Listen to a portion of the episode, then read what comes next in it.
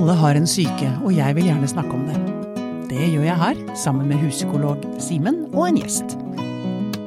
Dette er Pia på syke. Da, Simen, skal vi inn i noe stort. Ja. Enormt, vil jeg vel kanskje si. Største. Det største. Selve livet. Selve livet, og døden, og kjærligheten, og havet, og Vi skal snakke om det eksistensielle. Mm. Og jeg kjenner nå at jeg er egentlig jeg har to sterke impulser som eh, rir meg samtidig her. Det ene er at jeg har bare lyst til å kaste meg over det. Og det andre er et sånt gigantisk sukk. Altså, Ja. Det virker så Jeg blir litt sånn overveldet av det. God oversikt over ditt eget indre, da. Jeg har? Ja. Ja, du mener det? ja. Ja. Du kjenner de to tingene som drar deg i ulike retninger. Å ja, sånn. sånn ja. Ja, nettopp. Se der. Hm, Det er bra. Nei, men det er klart det er jo Det å ta opp en bok om eksistensialisme eller å gå inn i meningen med livet, det er jo ikke, det er ikke gjort på en halvtime, det. Det er ikke det. Men vi skal i hvert fall få Vi skal i hvert fall få prøve å få begynt her. Et eller annet sted satt i gang noen tankerekker, håper Ja. jeg. Um, jeg har med hunden min inn i studio i dag, så litt piping kan forekomme. Står, nå står han og piper og vil ut, men det får han ikke. Ok. ehm, Mannen som skal sparke i gang det eksistensielle, den eksistensielle måneden vår, heter Jens Oskar Jensen. Velkommen hit. Tusen takk. Du er filosof. Stemmer. Og du har skrevet boken Stoisk ro livsvisdom for vår tid. Mm. Ja. Så er du liksom plassert. Og da har jeg lyst til å spørre deg, eller dere begge egentlig. Hvordan definerer vi det eksistensielle? Eller eventuelt snu på det. Hva er det som ikke er- tilhører det eksistensielle? Hva er det? Altså, ja. Kan vi begynne å dra noen linjer her? Skal jeg begynne? Begynn. Ja, gjerne. Ja. Altså Ja. Når eh, vi stiller det spørsmålet hva er det eksistensielle, så stiller vi et spørsmål som i filosofien, den opprinnelige greske filosofien, ville blitt kalt metafysikkens spørsmål. Metafysikkens, ja. ja. Da er vi i gang. Jeg kjenner allerede jeg begynner å få litt vondt i tenna. Nei da, det er eh, Jeg skal forklare det. Mm. Altså, Aristoteles han var den første som stilte spørsmålet eh, som en sånn med en sånn vitenskapelig Mm. tilnærming. Hva er eksistens? Grunnen til at det er et vanskelig spørsmål å håndtere, det er at alle de andre fagområdene, alle de andre vitenskapene som Aristoteles hadde begynt å forske på, da, f.eks. det vi i dag kaller biologi, Mm. Hva er eh, plantenes eksistens? Hvordan, hva er deres eksistensform? Mm. Hva er menneskets eksistensform? Hva er dyrets eksistensform? Eller fysikken, som studerer eksistens som materielle bevegelser. Mm. De, de studerer det spørsmålet hva er eksistens, eller hva er væren, for, som noe bestemt værende. Som de, de har eh, eksistens som plante, eksistens som menneske, Mm. eksistens som dyr, eller eksistens som materie. Så sier han, men dette siste spørsmålet, hva er eksistens i seg selv? Hvordan skal vi studere det? Ja. Og så, gjennom en lang logikk eh, hos Aristoteles, så kommer han frem til et slags gudsbegrep om at vi må si at det som eksisterer som eksistens i seg selv, det er noe som han kaller Gud, da. Eh, så spoler vi frem til 1928 eller 1929, hvor eksistensfilosofi har begynt å bli et Og det skjedde ikke noe mellom der, Aristoteles og 1929. Jeg- Da var det ikke noe særlig eksistens. Jo, jeg, jeg kan gjerne dra hele rekka. Men det som skjer, bare for å si veldig kort hva som skjer mellom der, det er jo at da de kristne filosofene de tar tak i Aristoteles sitt gudsbegrep og sier ja, han har, han har rett. Eh, Gud må sies å være eksistens, absolutt eksistens, det som bare eksisterer i og for seg. Mm. Som ikke er avhengig av noe annet for å eksistere, men som bare er. Mm. Og alt annet avhenger av Gud for å eksistere. Det er sånn de kristne De kristne, de, de vil, ja. Så De, mm. Mm. Så kommer vi til eh, Heidegger. på 19, sånn 1928 som sier hele problemet med denne tradisjonen, denne tilnærmingen til spørsmålet hva er eksistens, det er at eh, de, de har oversett noe veldig fundamentalt i selve formuleringen. Når vi sier 'hva er eksistens', eller 'hva er væren', så avslører vi at vi allerede har en forforståelse. Det er en slags forståelse i oss. Vi vet at vi er. Nettopp, fordi vi bruker ordet 'er'. Og det er jo en form av væren. Ja. Så han sier nei, ikke gjør som Aristoteles og de kristne og alle filosofene har gjort i denne store metafysiske diskusjonen om hva eksistens er i seg selv. Vi må ta et skritt tilbake og vi må se på den som stiller spørsmålet. Fordi den som stiller spørsmålet, avslører at det allerede er en forforståelse der om hva væren er, for det bruker ordet er. Så han sier her begynner egentlig det som er interessant. Vi må analysere hva er menneskets liksom, eh, eh, førfilosofiske eksistenserfaring. Hva, hva vil det si å være? Hva er selve erfaringen av å være for mennesket? Sier, der begynner filosofien. Der begynner eksistensfilosofien. Vi må avdekke hva som strukturerer menneskets liksom værenserfaring. Ja. ja. Skal jeg fortsette litt? Ja, fortsett litt. Ja.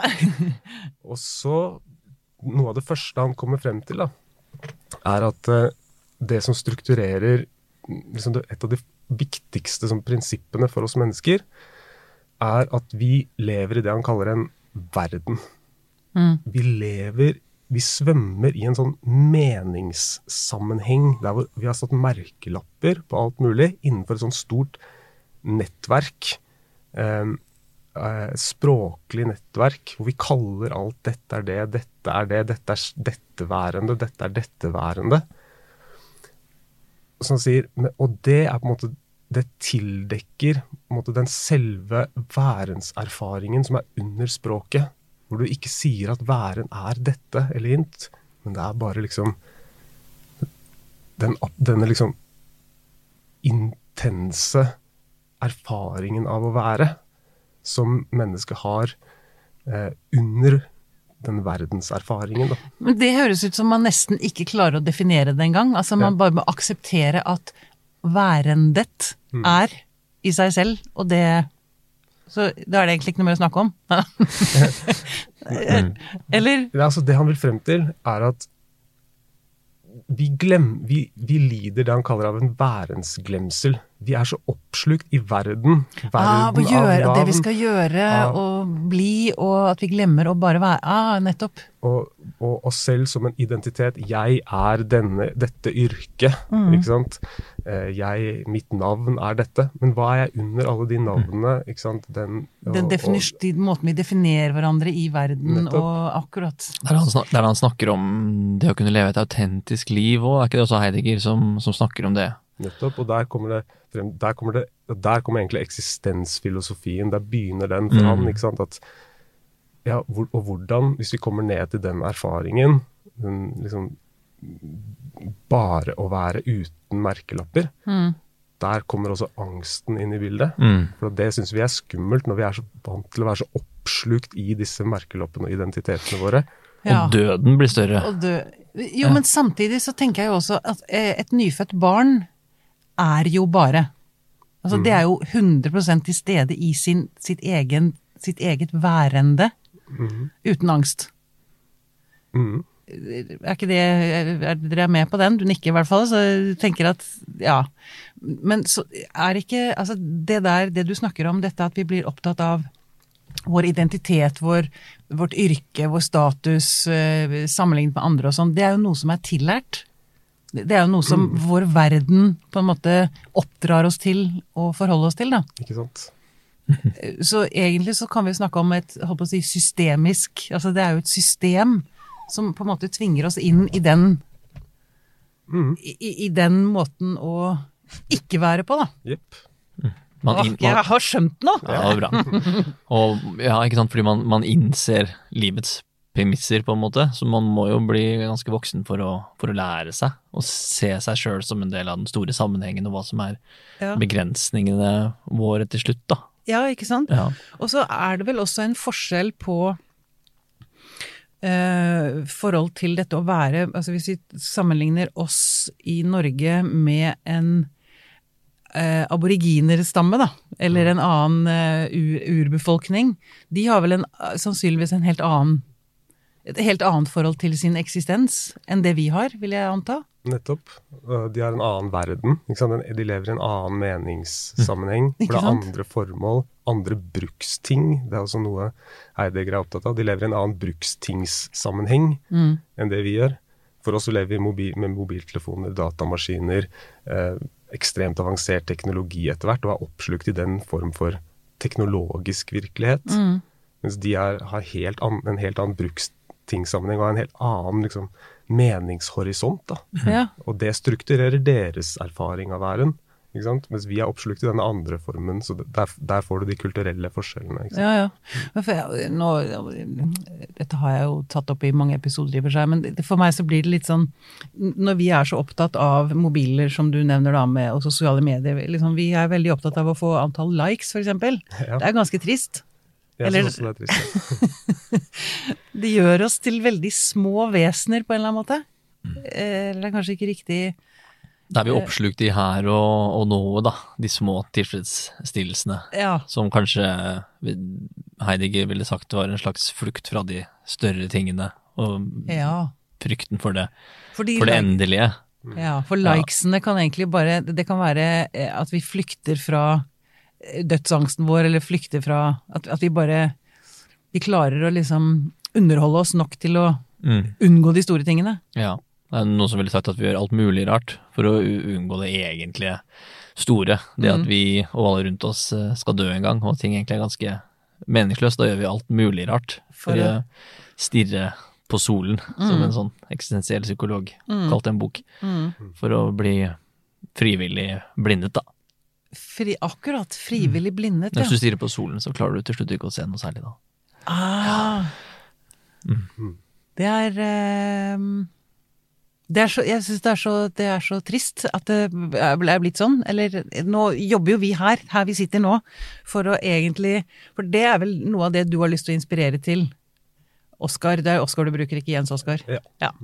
Eh, og og mm, si, lokke folk, mennesker, til å kanskje forholde seg til litt større spørsmål. Er du opptatt av det? Er det liksom noe av det Grunnen til at du er her på kloden, tenker du? Ja, i hvert fall er det det jeg selv er interessert i. Mm. Mm. Mm. Jeg har lyst til å eh, snakke også om stoisismen. Ja. Eh, en stoiker, eller en stoiker, som en venn av sa.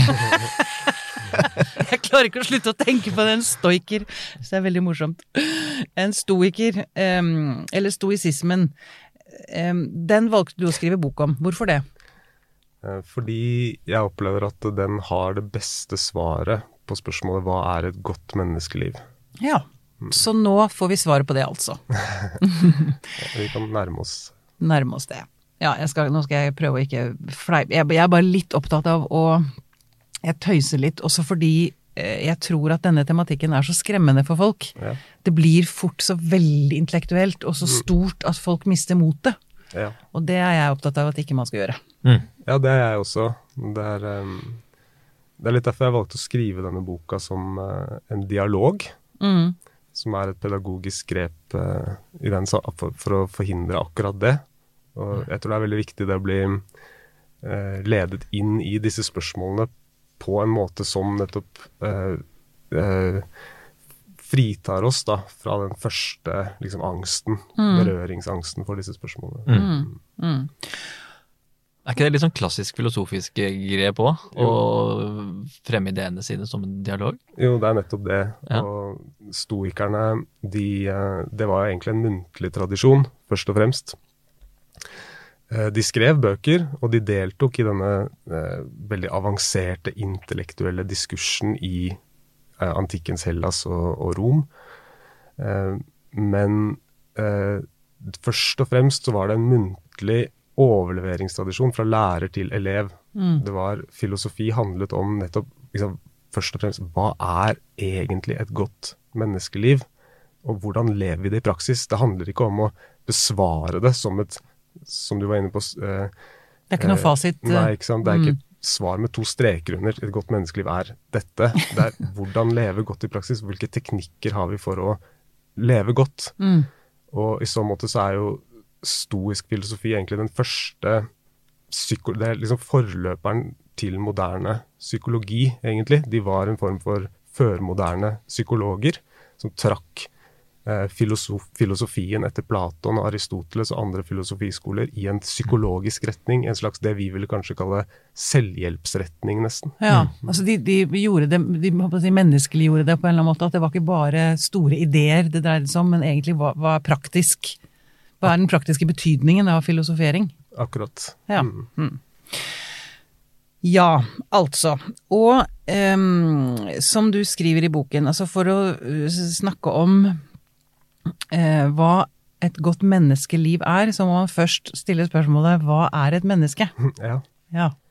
Det er, det er også en eh, det, Der har vi også et annet stort spørsmål. Hva er et menneske? Ja, altså i, eh, i boka så begynner, jo, begynner jeg å pakke opp da denne dialogen mellom eh, eleven og den stoiske læreren ved at han, eleven kommer til læreren da, og sier 'hva er et godt menneskeliv'? Mm. Grunnleggende spørsmålet. Mm.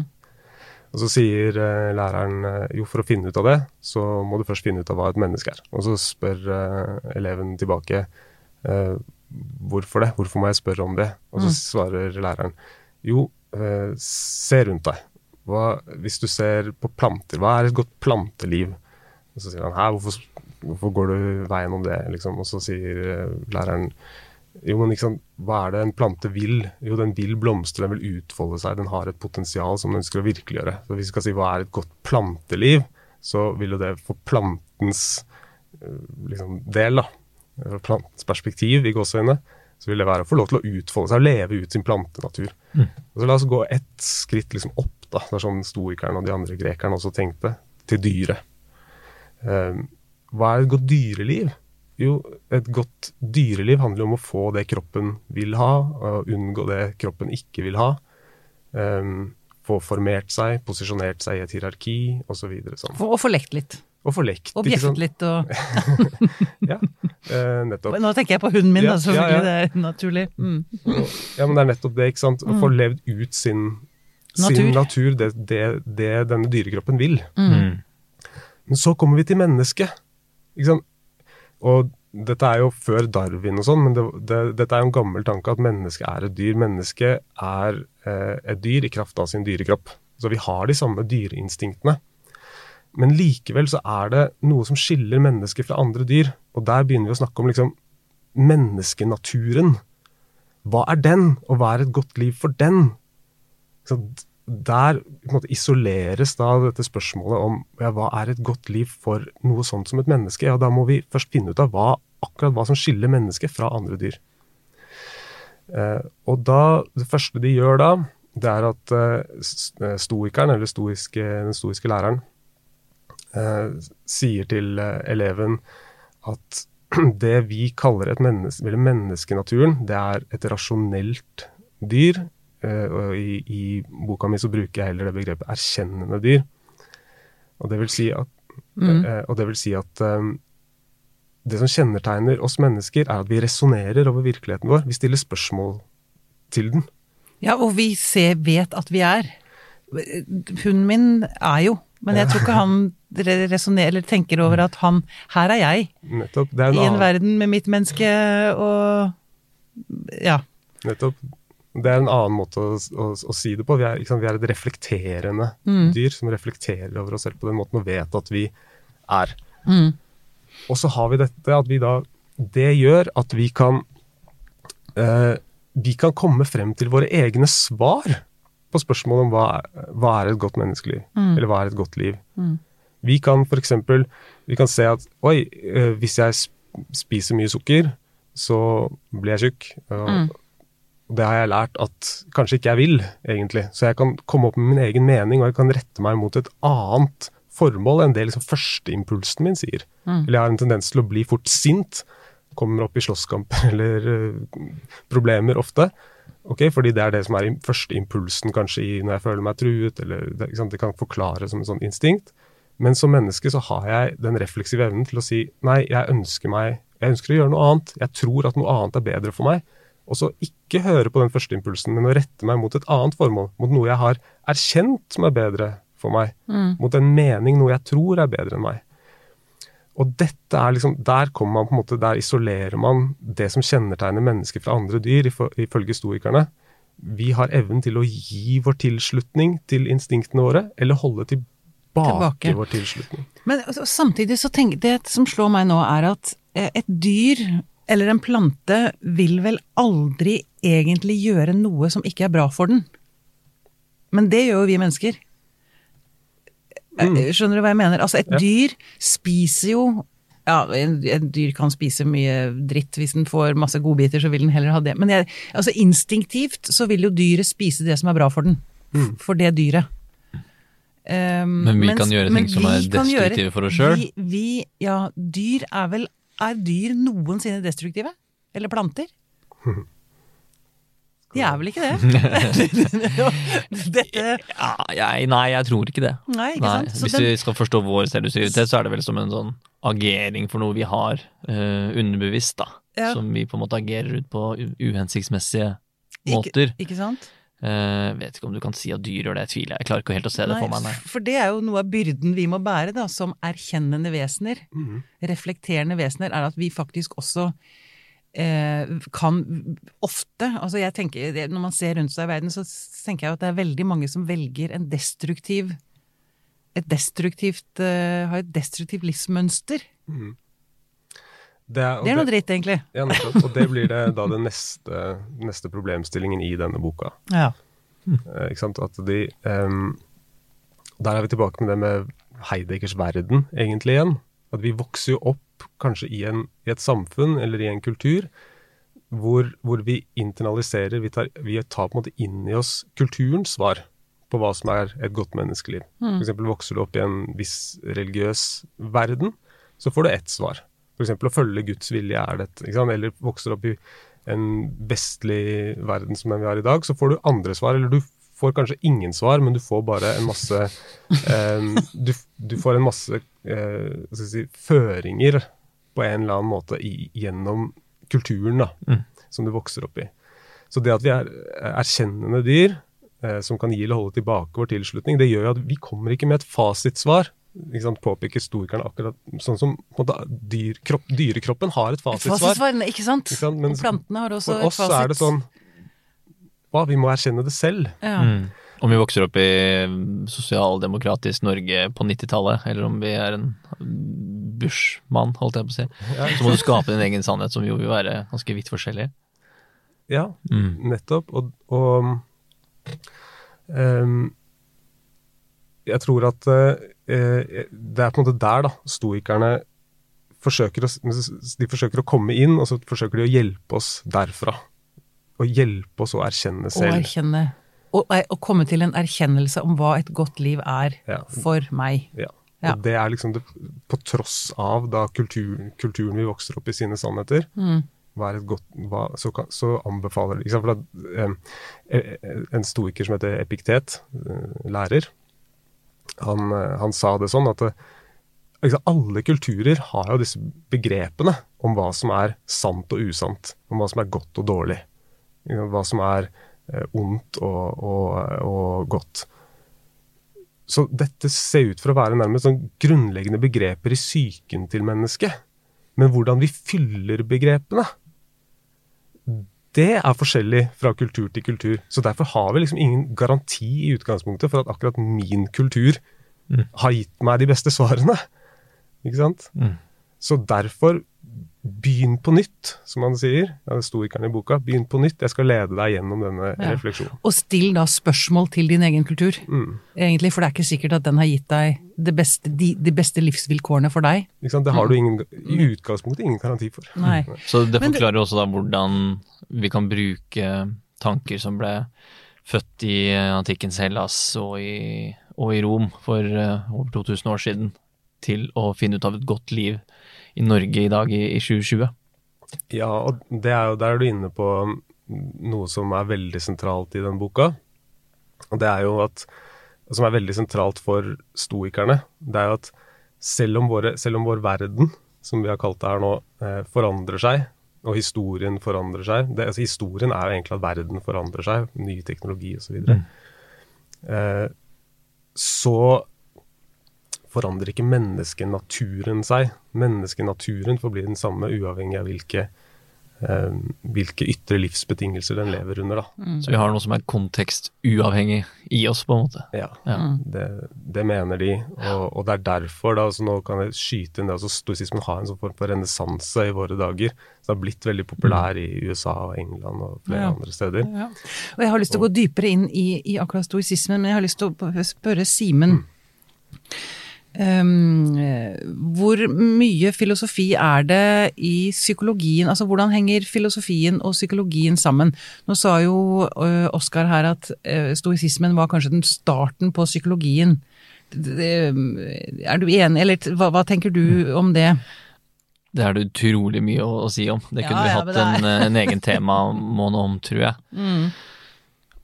Filosofi og psykologi går jo går jo hånd i hånd. Mm. Vi prøver jo også å finne ut av hva som er et, uh, hva som er et godt liv. Mm. Hva som er et godt liv for oss, og hva som er et godt liv for mm. pasientene vi prøver å hjelpe, da. Ja. Um, et morsomt eksempel på hvordan, hvordan, filosofien kom inn i psykologien og i terapien, er jo den uh, kuleste psykiateren gjennom tidene, syns jeg. Altså, en som heter Irvin Jalom. Ja som eh, jobbet mye som med Som også er forfatter. Han er også forfatter, ja. Mm. Det... Skrevet Schopenhauer-kulen. Ja. Mm. Det er litt av kulheten hans. Han lager ikke fagartikler nødvendigvis, eller bare, mm. for å få formidla sine ideer. Han kan skrive litteratur, for eksempel, da, om mm. hvordan Schopenhauer kan påvirke forståelsen av gruppeterapi, sånn som den boka du refererer til. Mm. Eller hvordan Nietzsches ideer kan ha formet uh, formet psykoterapien i de tidlige dagene, og Freud og sånn, så skriver han ikke nødvendigvis en teoretisk artikkel om det, men han skriver en roman som handler om da Nietzsche gråt. Jeg er veldig, jeg er veldig for, for sånn, ja. en sånn tilnærming til faget. Så han eh, faget. jobbet med, med, dødssyke, og um, lærte seg mer og mer filosofi senere i livet, blant annet av en norsk filosof som tilfeldigvis var på Stanford da, Dagfinn Føllestad. Føllestad? Ja. Føllestad, ja. ja, riktig som tilfeldigvis var der da. De er jo livslange venner siden. Men han på en måte har laget sin egen terapiform som er fundert på de viktigste spørsmålene og innsiktene fra eksistensfilosofien, og innbakt det i sin psykoterapi. Ja. ja. Det er en kul måte hvor filosofien har kommet helt direkte inn i terapirommet på. Hvordan fornekter du døden? Er det dødsangst vi snakker om her? Den, eh, det triste skillet mellom oss mennesker, at vi for alltid vil være litt isolerte fra hverandre, frihet og ansvar, som han på en måte tok inn i terapien, og som jeg tror uh, var ekstremt hjelpsomt for han, spesielt i arbeidet med, med dødssyke, som skulle dø. Ja. Ja. Mm. ja. ja. dødsangst, det er også nesten en helt egen episode. Jeg, jeg, har så mange spørsmål, jeg har så mye ting jeg har lyst til å løfte frem her nå. Nå gjelder det å holde tunga rett i munnen. Men det, jeg, kanskje vi må, må, vi må bare leve med at dette blir jo vi kommer ikke til å kunne gå i dybden ordentlig på alt her, liksom. Vi må prøve å altså, mm. holde et litt sånn Ja, vi, vi, får leve med at vi hopper litt hit og dit, ja. og så satse på at det blir en slags tråd her. Mm. Ja. Um, um, et godt menneskeliv. Jeg har lyst til å løfte frem et, et ord, et begrep, som du bruker i boka som jeg syns var så vakkert. Mm. Og det er menneskefrø. Oh, ja. For det syns jeg er dette med at altså, Vi har jo sånne uttrykk som 'han blomstret sent i livet'. Mm, ja. jeg tenker at det er vel det mennesket dypest sett, i hvert fall jeg, jeg kan snakke om meg for meg selv, jeg har lyst til å, å, å blomstre i Altså utnytte mitt fulle potensial, da. Mm. Av hva jeg er for noe. Mm. Og så kan det ofte forveksles med eh, status mm. og penger og berømmelse. Jeg tror at vi har gått oss litt vill der at tror, vi tror at det er der det ligger. Mm. Er du enig i det? Ja, det er jo det er helt liksom stoikeren, stoikerens syn. Mm. Uh, og det er jo det som skjer da i, i, denne boka, er at når de skal begynne på nytt, som jeg var inne på i stad, så begynner stoikerne å lede eleven gjennom en sånn kontemplasjon over hvor er det egentlig mennesket kommer fra. Hva er egentlig eksistens, sånn, Mm. det mest grunnleggende. Og så leder han han gjennom da et eh, resonnement hvor han hjelper han å se at det alltid naturen henger sammen og sånn, som er stoikernes syn. Det er ikke noen egentlig gud annet enn naturen som har skapt naturen. Det er mer sånn det er bare naturen, og det er naturens helhet, og i naturen så er alt ett. Og, det er liksom, Og da snakker vi ikke bare om skogen, liksom, men Nei. naturen med Ja. stor N. Altså altet, Kosmos, egentlig. Kos alt. altet. Helt riktig. Mm. Mm. Og, og så sier han ja, så hvis dette er liksom grunnbetingelsene våre, da, så ser vi jo, da må jo mennesker på en måte gå til naturen med sine spørsmål. Mm. Du må ikke, ikke gå til kulturen, men gå til liksom altet. Naturen, grunnbetingelsene. Eh, og fordi der vil du se måte, hva som er eh, hva som er liksom forutsetningene for alt liv. Og eh, da ser du akkurat som du sier, alt har denne ønsket, det er en sånn vilje i alt mot å fullende sitt potensial, virkeliggjøre de mulighetene som ligger i akkurat denne form for eksistens. Da. Mm. For planten så er det blomstringen, og, for, og i større perspektiv for artens skyld. Og? Sånn, og for, for dyret så er det det som andre som vi var inne på, og så for mennesket så så er det akkurat det samme, vil han si. Det er akkurat den samme drivkraften i et menneske, Mm. ønsket om å leve ut det potensialet. Men akkurat som du sier, det, vi, går oss, vi går oss vill i kulturelle forestillinger om hva som er et godt menneske, menneskeliv, og disse klassiske sant, eh, idealene med det er å bli rik, det er å bli sånn og sånn, eh, berømt. Og stoikerne er ikke sånn, de går ikke f.eks. den retningen som senere kanskje kristne munker og sånn vil gjøre, eh, og sier ja, forkast alt det og trekk deg tilbake. De sier vel, det er, kan godt være å foretrekke å være rik, det, men Det er ikke noe gærent i det, det i seg selv. Noe, det helt, men, men i seg selv er det nøytralt. Det er en viktig erkjennelse. Å si at hvis du ser på rike mennesker, for å bare ta akkurat det, så ser du at ja, det finnes jo de som er deprimerte, og det finnes de som er lykkelige. Mm. Alt her kommer an på hvordan du Mhm. bruker rikdommen. Det er liksom dit de vil. da. Det er Mm. talentet ditt for å bruke dine ytre livsbetingelser. Det er der liksom du må gå inn. da. Det er der vi har vår bevegelsesmulighet som mennesker. da. Mm, Mm. akkurat. Det er um, Jeg tror jeg Um, har lyst til å bli en stoiker. Stoiker. stoiker, en stoiker. Um, Eller jeg, jeg leste om køsnikerne en gang. Køsnikerne. Ja, Det var en artikkel om køsnikere. Er Køsniker og en stoiker. Ja, ja. Ja, ok. Nå, ja, Um, eh, tilbake til alvoret. Eh, det som eh, kan, jeg kan tenke kan bli litt eh, provoserende, er kanskje ikke riktig ord, men en, stoiker lar ikke følelsene løpe av gårde med ham, henne, med seg. Eh, da har du stoisk ro, ikke sant.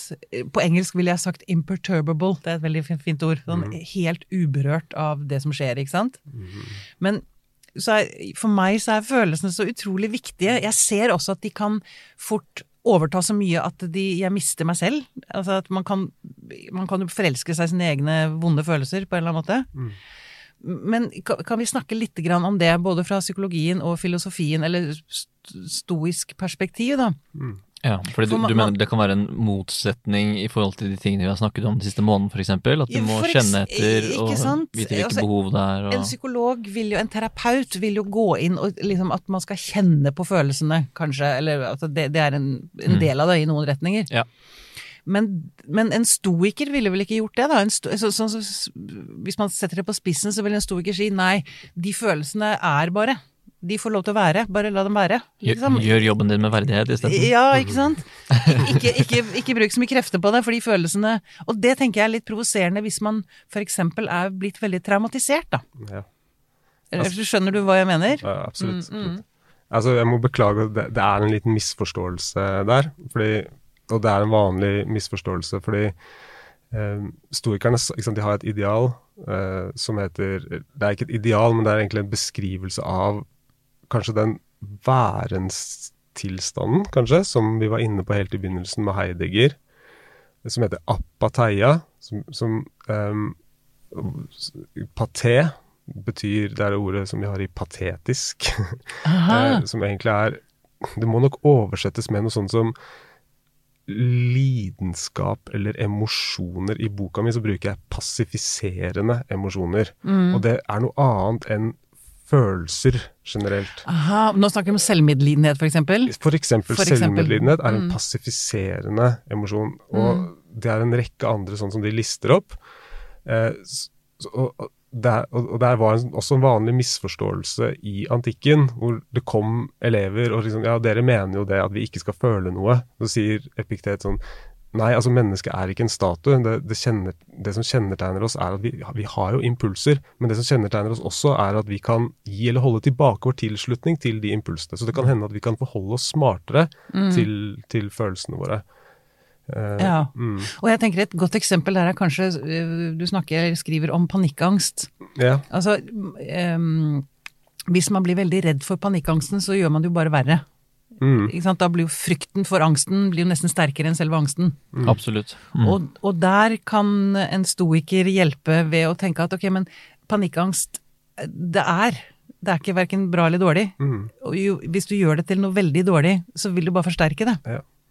Hvis jeg skal svare ordentlig på det, så vil jeg begynne litt fra, fra et veldig viktig poeng som stoikerne gjør, og det er dette skillet mellom det som er innenfor og utenfor vår kontroll i livet. Mm.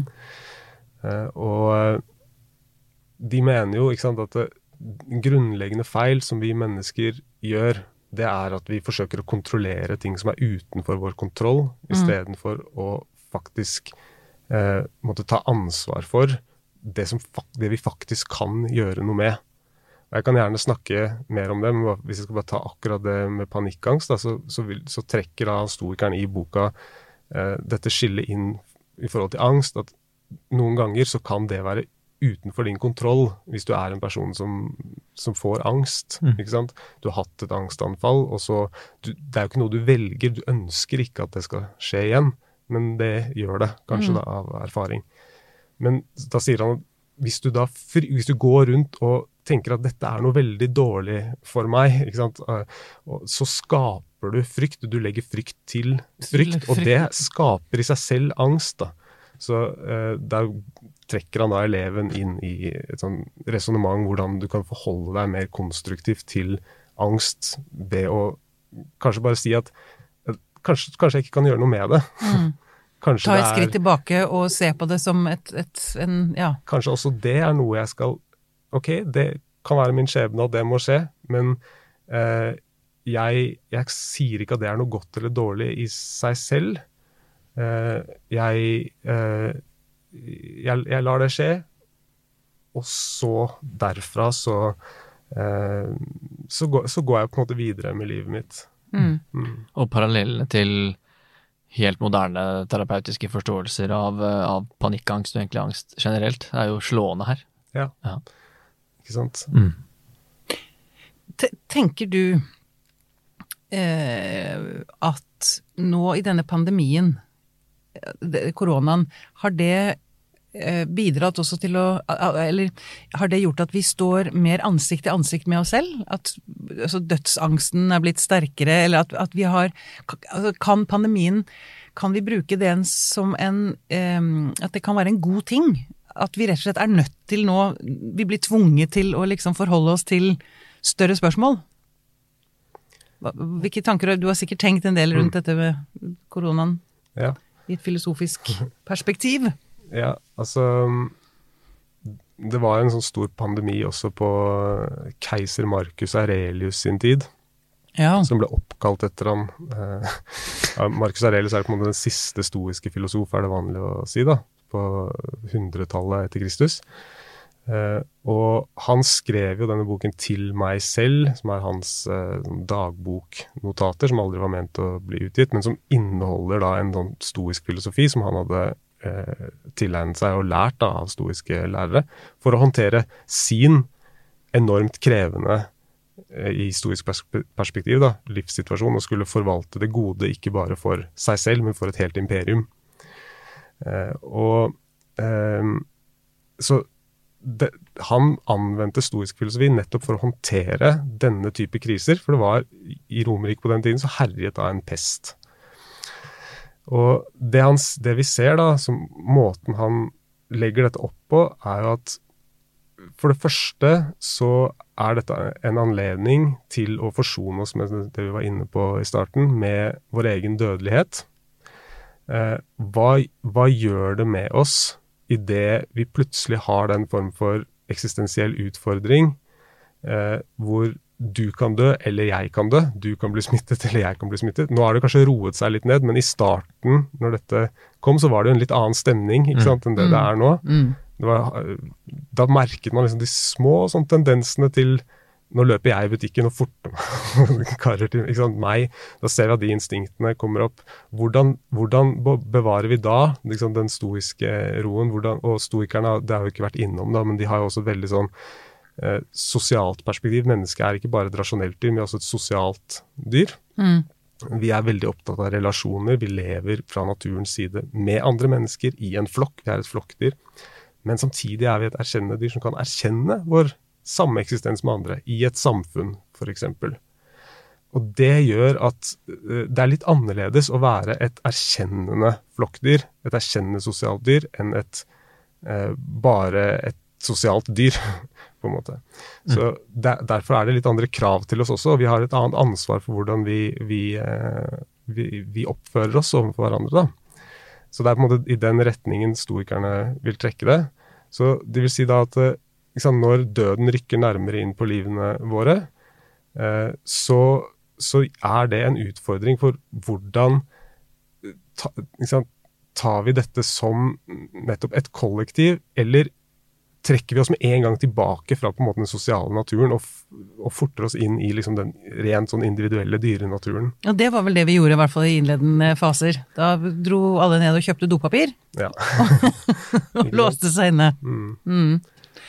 Og, og, og, da vil historikeren si at da, hvis du reagerer på den måten, så kan du aldri oppleve da det som jeg kaller stoisk eh, ro, da. Eh, fordi det ligger føringer i også, det var, det var vi på en måte aldri innom litt tidligere i samtalen, men se, deler av det å leve ut sitt menneskelige potensial mm. er å eh, klare å leve som et sosialt erkjennende vesen. Å klare å ehm, eh, forholde seg til andre mennesker på en menneskelig måte. Ikke på en dyremåte. Det, det, må du forklare litt eh, bedre. Ja, vi, vi, har evnen til å se oss, nettopp se oss selv i en større sammenheng. Ja. Eh, vi kan ikke på en måte og vi kan ikke på en måte unngå at vi har den evnen, vil stoikerne mm. påpeke. Og det forplikter? Ja, det forplikter, men det forplikter på en måte sånn fra naturens side. Ja, Men dette er jo flokkmentalitet. Altså, dette er jo dyreverden òg, det. Altså flokken tar vare på flokken.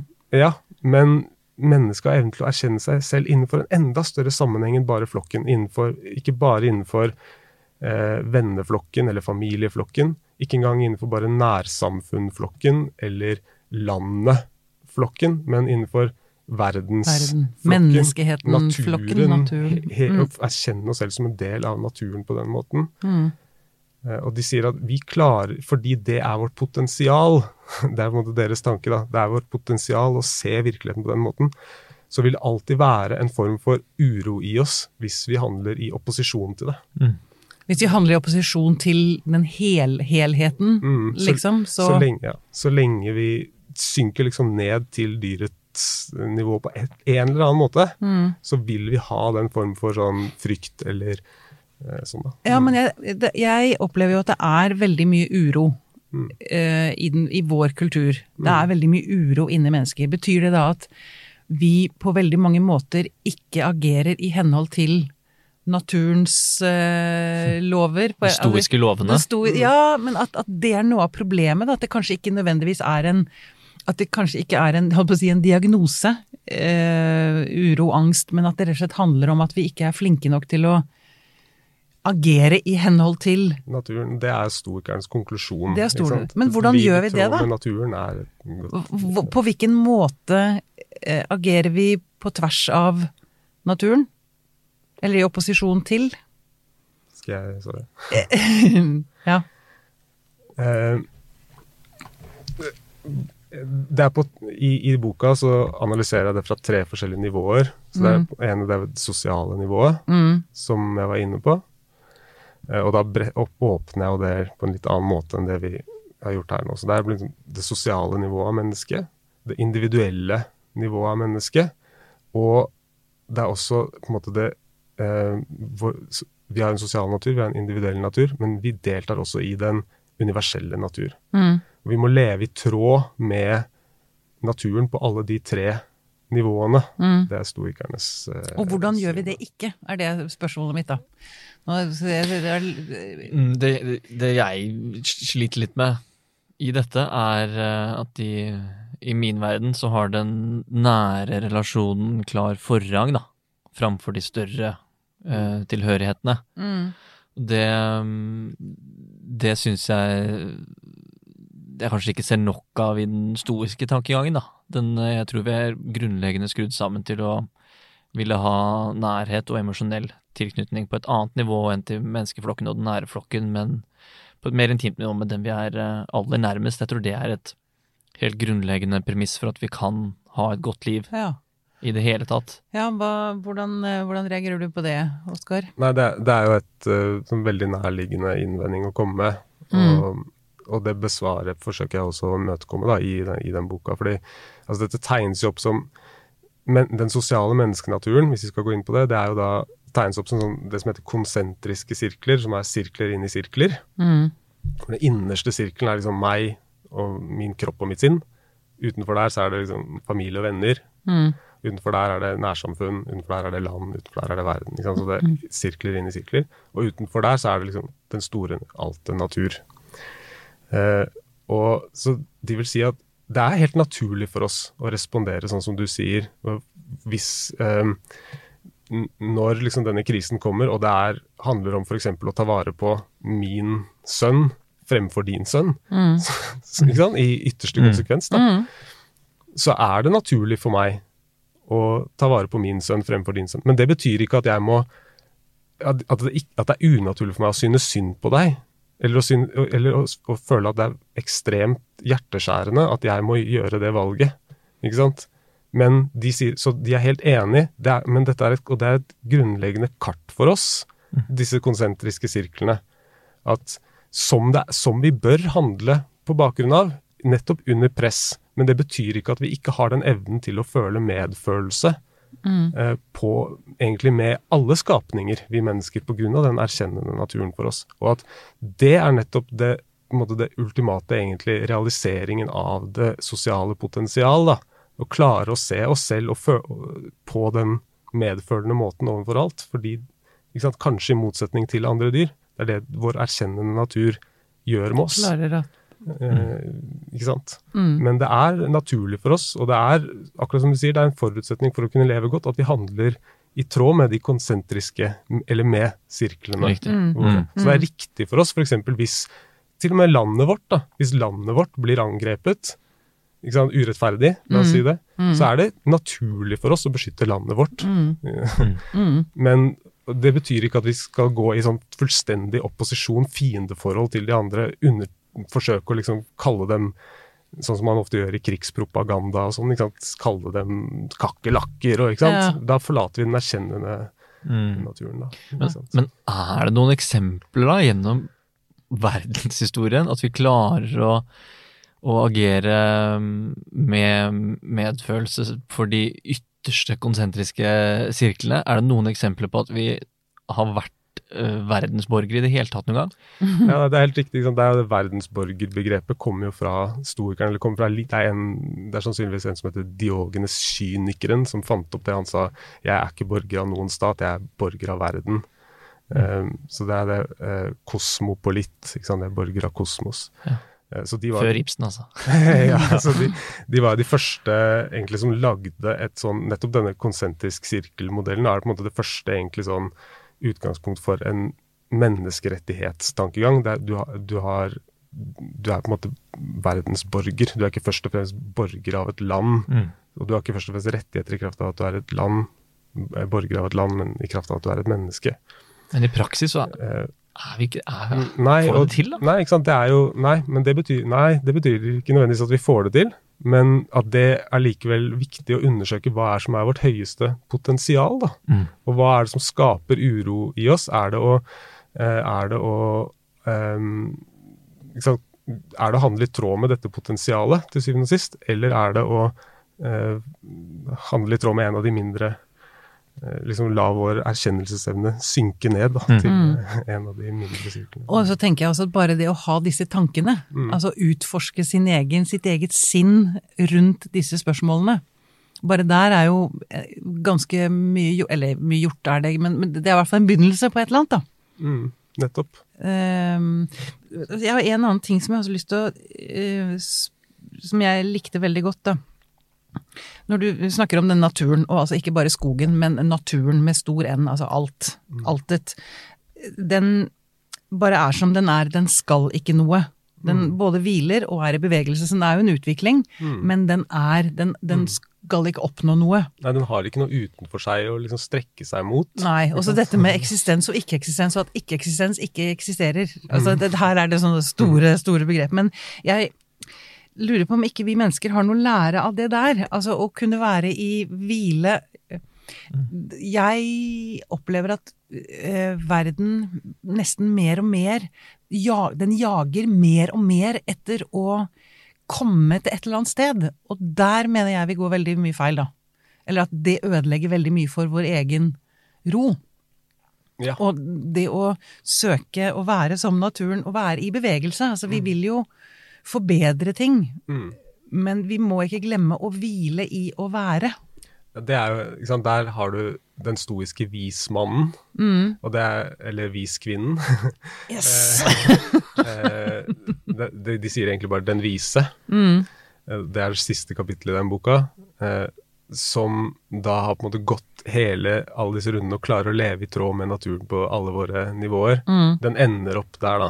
Det beskri du beskriver ja, eh, den vise der, da, Mm. som har den indre stillheten, men som er i, i bevegelse og aktivitet i verden, til fordel for eh, medmennesker og til fordel for eh, liksom de større sammenhengene. da. Mm. Lever, lever på en bidragende måte. Eh, og um, så, så men, men de sier på en måte, de setter på en måte ikke opp dette som et sånn ideal, sånn som man vil f.eks. se i buddhismen, som er en litt sånn parallell tradisjon. Det Ja, det tenkte jeg på. Det minner om buddhismen ja. innimellom. Mm. som at dette De vil si at dette er det vi strekker oss mot. Det er liksom den ultimate ut, eh, realiseringen av det menneskelige potensialet. Visdom, til forskjell fra liksom, dyrekroppens potensial. Eh, men de sier at dette er La oss heller tenke ut av hva, hvordan ville det vært? La oss avklare hvordan ville det vært å, å leve på den måten. Eh, og så kan vi begynne å se oss selv i lys av det som et sånn speil. Som, Så det blir sånn refleksjonsverktøy isteden. Så det er ikke um, det er ikke sånn at stoikerne gikk rundt hos Epiktet eller Markus. Ingen av de ville si 'jeg er vis', på en måte. Det, de, de kalte ikke seg selv vis, men dette er på en måte noe vi kan vi bruke da, som et refleksjonsverktøy. Og eh, forholde oss til den vise i oss selv, Mm. egentlig. Ikke lete etter den vise der ute. Ja, det, det er jo det det handler om. Ja. Ja. Det er det. Vi må se til oss selv. Du har blitt en stoiker, du. ja. Stoikisismen. Nei. Um, ok. Um, ja. Um, Oskar, føler du at vi har fått uh, tatt liksom de store, viktige tingene ved stoisismen, eller det eksistensielle? Er det, er det noe viktig her vi du savner? Ja, altså det, vi, har, vi har vært innom veldig mye, det men det er veldig vanskelig å, å Så vi hadde en tre-åtte timers tid til, Ja, så sant? kunne vi Så kunne vi tatt det mer stoisk. Men jeg tror at um, uh, Jeg tror hvis, hvis vi skal trekke liksom, trådene sammen igjen fra der vi begynte med, med eksistens og Heideggers værensopplevelse og sånn, Og så er det veldig parallelt egentlig til stoikerne. Eh, og de vil si at når det, liksom, vi skal stille et spørsmål hva er egentlig et godt menneskeliv, så har vi vært innom det at vi, vi går oss vill i mange formål. Eh, ytre formål, da, egentlig. Om eh, at, eh, som du var inne på, vi ønsker å realisere vårt potensial. og så så feiltolker vi det ønsket eh, gjennom kulturelle føringer og ønsker ditt og datt istedenfor. Og jeg tror storikeren vil være veldig enig med den, liksom den Heidegger-tilnærmingen som vi var inne på først, med at kanskje er det egentlig bare den opplevelsen av å være, den intense værensopplevelsen som egentlig er det høyeste formålet vårt. Så det er, og som du var inne på nå også på slutten, at det er, når, når du har den, så handler det om å finne ut hvordan lever vi i, i tråd med den. Der begynner en helt annen refleksjonsprosess. Og hvordan, hvordan måtte møter vi livet fra det perspektivet, da. På en, og der er den, på den, det Heidegger vil kalle liksom, den autentiske eh, måten. da. Istedenfor opp, som oppslukt i verden, oppslukt i verdenslige eh, formål. da. Det er liksom livskunsten til, eh, til stoikeren. da. Ja. Det er store ting, Simen. Selve livet. Selve Og døden. Og døden. Er det mye dødsangst? Ser du det i terapirommet? Mm. Ja. Mm. Og mer i disse dager. Ja, du gjør det. Ja, Mm. det vil jeg si. Det er kanskje ikke unaturlig. Nei. Men det er vel, som vi kanskje nå har vært inne på, det er kanskje ikke så dumt å forholde seg til sin egen dødsangst. Nei. Fordi ved å tørre å se døden i hvitøyet, så kan vi leve et mer autentisk liv. Som vi har lært av Heidegger. Ja. Ville sagt, da. Tettere vi er på døden, jo tettere er vi på livet. Ja. Memento mori. Memento jeg vet ikke om det er en myte eller ikke, men at man i antikken selv altså, noen ganger bar gjennom et eh, skjelett på, på store fester og middager og sånn, for å huske på at døden kan ligge rundt ethvert hjørne, da, så Komme vi må nyte måltidet. Ja, sant. Sant. Hva er, det, hva er det viktigste rådet du kan komme med til eh, våre lyttere, Oskar? Um, Jeg er ikke så, egentlig så veldig glad i sånne enkle råd, men du skjønner, altså Hvis man skal ta det vi har snakket om nå på alvor, og gå inn i det og forholde seg til det, hva, hva er det første skrittet? Nei, vi kan jo godt begynne derfra hvor, eh, hvor du sluttet nå med, med døden. Er, jeg tror ikke det er dum, en dum innfallsvinkel til det eksistensielle. Å reflektere over eh, Og det er det jo mange filosofer som har konkludert med. Ikke sant? Det, memento mori, det er, det er en stoisk øvelse. Kontemplere seg selv i lys av det at vi er dødelige, ikke som en mm, liksom, mulig hendelse 90 år frem, frem i tid, Mm. men som noe som er nå. Ja. Sånn, jeg, det er faktisk, for å ta det skillet mellom innenfor og utenfor min kontroll, det er faktisk utenfor min kontroll når jeg kommer til å dø, med mindre jeg velger å ta mitt eget liv, så er det faktisk utenfor min kontroll. Hvordan responderer jeg på det? Hvordan forholder jeg meg til det? Mm. Eh, og, så så det, tror er, det tror jeg er en god innfallsvinkel da, til, å, til disse temaene. Mm. Og det, det er nok en sånn allmennfilosof eller sånn Det er noe veldig mange filosofer har vært inne på, da. Og det er et eget kapittel i denne boka altså, som handler om akkurat det sånn Hvordan kan vi forholde oss til døden, da, for, på, med en stoisk ro. Ja. Mm, Veldig bra. Jens Oskar Jensen, tusen takk for at du kom til oss. Tusen takk.